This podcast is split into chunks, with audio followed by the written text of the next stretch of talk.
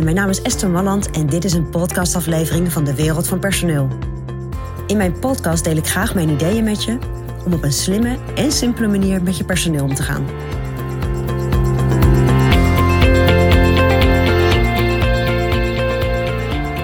Als je bij de grotere bedrijven kijkt, wat er dan vaak wordt gedaan op het moment dat zij een goede HR-strategie willen bepalen, dan wordt er vooral gekeken naar de cultuur van het bedrijf en naar de doelen die het bedrijf voor de komende jaren heeft.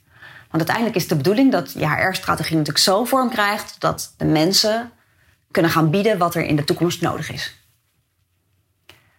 Op het moment dat we kijken naar een HR-strategie in wat kleinere bedrijven, dus ook in jouw bedrijf, dan komen daar nog twee componenten bij. Misschien zelfs drie.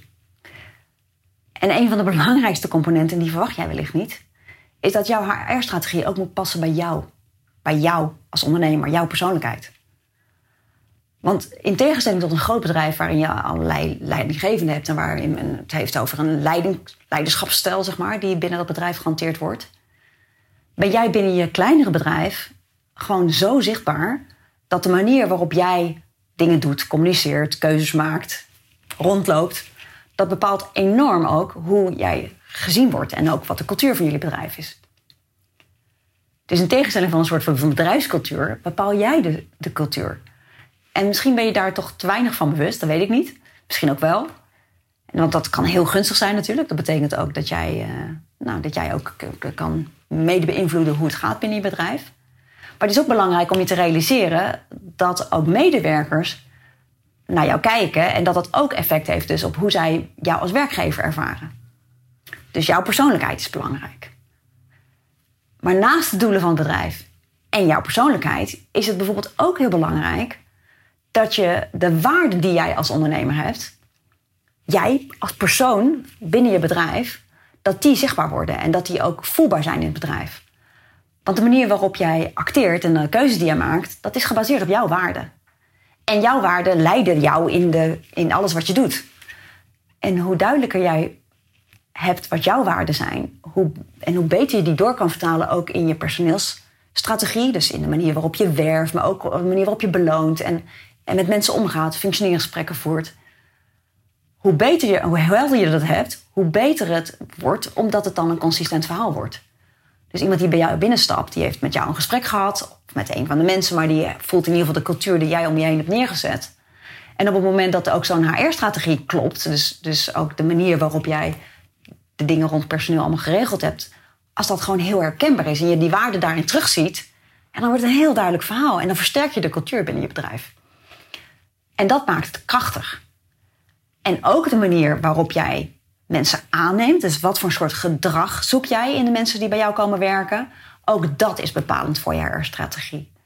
Dus wat voor soort dingen zoek jij in de mensen die bij jou komen werken? En in hoeverre heb je daar ook je strategie op aangepast? Dus op het moment dat jij heel, uh, heel initiatiefrijke mensen zoekt altijd, ja, dat is heel mooi en dat zou heel fijn kunnen werken op het moment dat jij niet de dominant bent. Maar als jij best een dominante ondernemer bent, en daar zou je niet de eerste in zijn, dan is dat best lastig. Want mensen die dan heel initiatiefrijk zijn, ja, die lopen toch een beetje tegen jouw dominantie en jouw stelligheid wellicht op. En die kunnen daarop afknappen. Bottom line is, ken jezelf dus heel goed.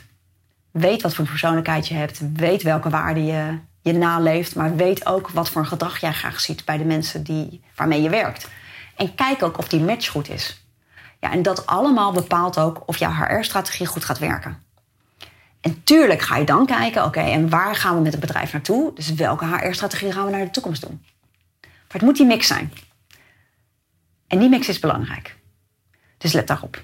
En besteed daar aandacht aan. En zorg dat die lijn echt terug te vinden is. In werven, in belonen, in functioneren, in het ontwikkelen. Maar ook in hoe je zaken gewoon regelt. Dus contracten, uh, dingen, hoe je dingen vastlegt, de nieuwsbrieven die je maakt, de vergaderingen die je voert, eigenlijk in alles.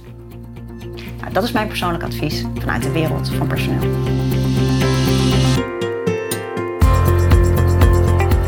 Wil je ontwikkelingen in de wereld van personeel blijven volgen? Abonneer je dan op ons podcastkanaal. Ook op onze website vind je allerlei slimme ideeën en adviezen. Dus kijk even rond op www.dewereldvanpersoneel.nl.